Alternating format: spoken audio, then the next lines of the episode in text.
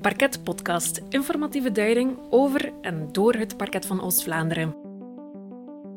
Je leest het soms in de krant. Het parket voert een onderzoek of het parket vraagt een maximumstraf. Het zijn zo van die korte zinnen waar je misschien gemakkelijk overleest. Maar wat doet het parket nu juist? Kan een parketmagistraat straffen opleggen of wat is het verschil met een rechter? Wel, daarover gaan we het hebben in deze eerste aflevering. Mijn naam is Alexandra Verhagen en vanuit het gerechtsgebouw in Gent is dit Parket Podcast. In deze eerste aflevering is Johan Sabbe te gast. U bent procureur des Konings op het parket van Oost-Vlaanderen. Welkom. Goedemorgen. De voorbije weken stond het parket van Oost-Vlaanderen in de kijker, want de docureeks Het Parket was te zien op vier en dat liep samen met een ander programma, Onderzoeksrechters op VTM. En ook de rechtbank loopt al een aantal seizoenen, al een negental seizoenen op tv. Merkt u dat er een toegenomen interesse is in justitie? Ja, ik denk uh, dat dat wel opvallend is. Hè, dat de laatste jaren justitie zo een beetje de deuren heeft opengezet. Ik ben er altijd grote voorstander van geweest, want het is bijzonder vervelend als je ergens komt als procureur of als magistraat, en zeker als parketmagistraat, om altijd maar te moeten uitleggen wat nu precies je taak is, wat je functie is, uh, waarmee je bezig bent. En ik, heb altijd uh, vastgesteld dat zelfs uh, mensen uit mijn naaste kring eigenlijk zich nog altijd vragen stelden over wat doet nu een parketmagistraat. Dat is een beetje in contrast met een rechter. Daar heeft het publiek wel goed zicht op wat een rechter doet, maar een parketmagistraat is toch iets bijzonders. En het is goed, denk ik, dat we daar op een of andere manier wel in geslaagd zijn om wat openheid en wat transparantie te brengen in de richting van de burger. Dus u zegt, er komen wel nog steeds vragen, misschien iets minder dan voordien, want procureur des Konings is geen eenvoudige titel. Wat zijn zo de, de meest voorkomende vragen of, of clichés of moeilijkheden dat u soms moet uitleggen? Maar de mensen weten vooral niet wat wij doen. Zij vragen heel dikwijls: bent u dan rechter? Er zijn heel veel titels voor, voor procureur des konings. Hè. Er is uh, openbare aanklager, de procureur. Men spreekt ook over het parket. Dus mensen weten niet goed wat dat is. En eigenlijk wordt alles dan op, op één hoopje gegooid. Men spreekt over justitie. En dat zie je ook soms. Hè. Er is bijzonder veel berichtgeving over justitie. Mm -hmm. Als je eens opvolgt in de kranten en journaal, hoeveel procent van de tijd eigenlijk besteed wordt, of hoeveel procent van de, van de bijlagen besteed worden aan, aan, aan justitie, dat is eigenlijk toch wel opvallend veel. Maar uh, mensen weten niet altijd wie wat doet. Hè. En het onderscheid tussen politie, justitie, dat is tamelijk duidelijk, maar dan binnen justitie, wat een parket doet en wat een rechter doet, dat is niet altijd duidelijk.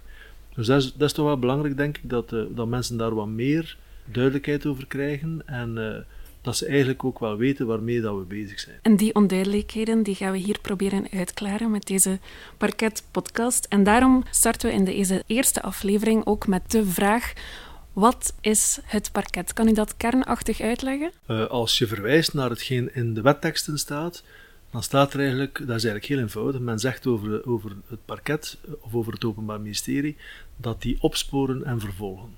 Meer kernachtig dan dat kan je het niet zeggen met opsporen bedoelt men eigenlijk dat wij het onderzoek voeren. Um, er gebeurt een feit -huh. en dan moet je gaan zoeken van uh, uh, wat is daar precies gebeurd. Als ik spreek over een feit, dan gaat het altijd over feiten die ergens in een of andere wettekst strafbaar gesteld zijn. Ja. Dat noemt men dan misdrijven. Bijvoorbeeld een moord.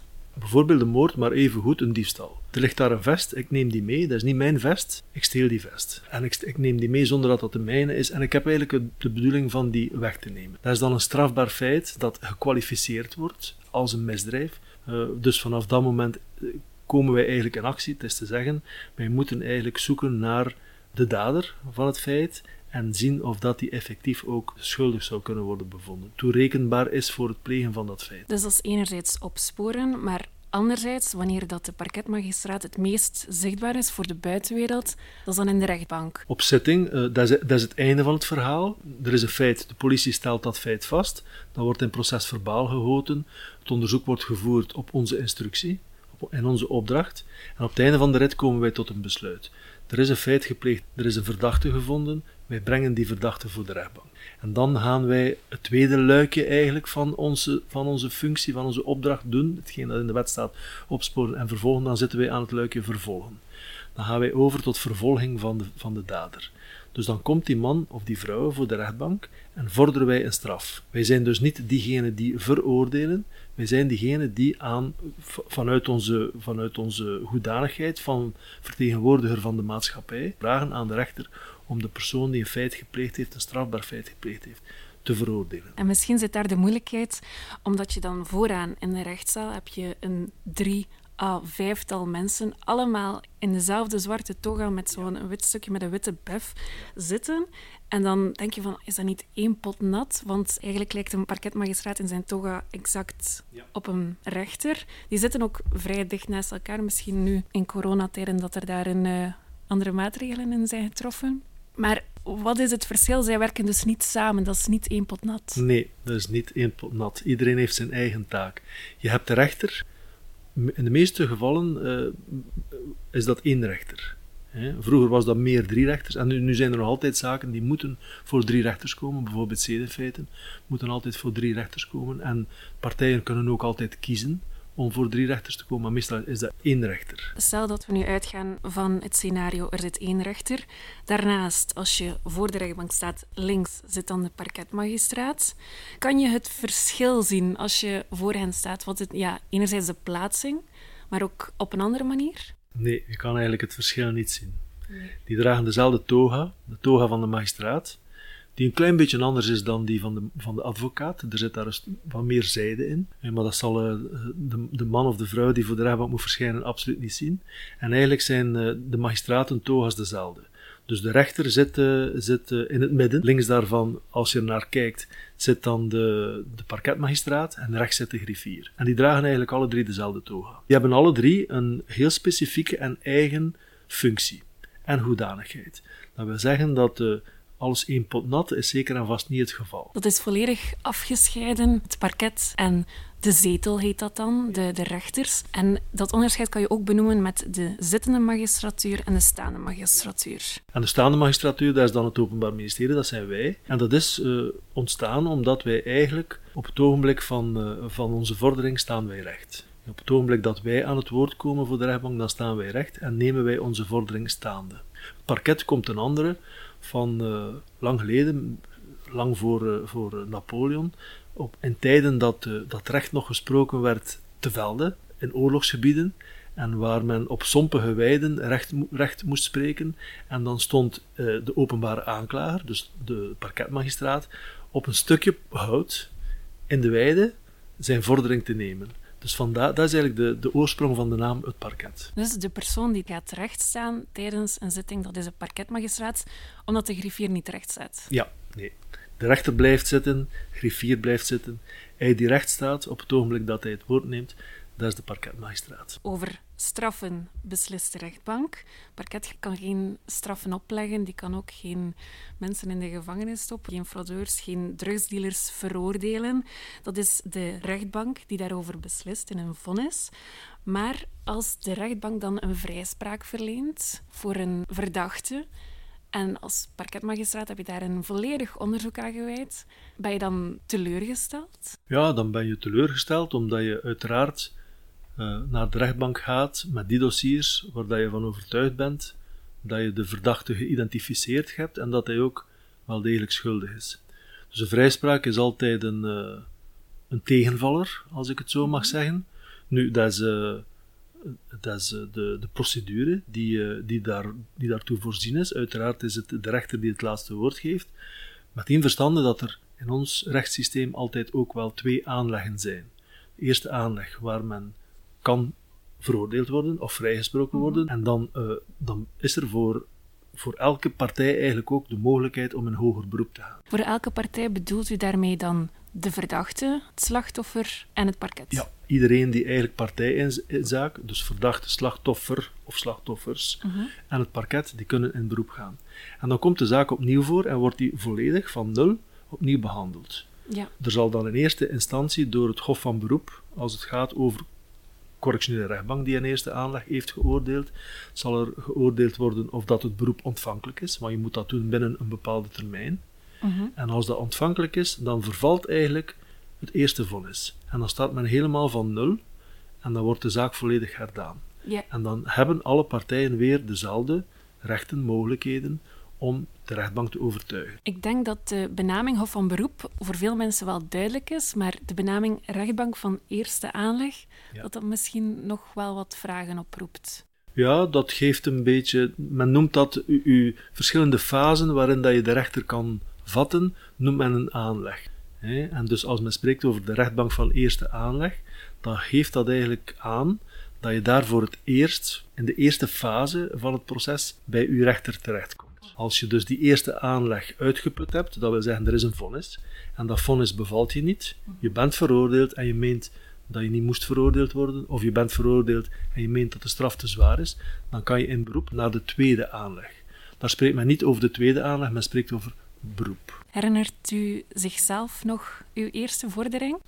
Ja, ehm, ik was dus eh, relatief jong. Ik herinner mij dat dat bij de ondervoorzitter was in Veurne, bij de rechtbank van Veurne, die uh, zeer gedetailleerd zijn, uh, zijn dossiers voorbereidde en heel allergisch was voor verrassingen. Dus hij wilde eigenlijk bijna op voorhand alles weten. En dan was het wel een beetje spannend om die eerste zitting te doen, waar toch wel altijd een, een 12 à 15 nieuwe zaken op stonden van allerlei slag dat was, dat was niet de grootste criminaliteit. Dat ging niet over terrorisme of, of zware georganiseerde misdaad, maar over... Uh, eer... Maar ook vrij rustig is dat Ja, maar toch wel...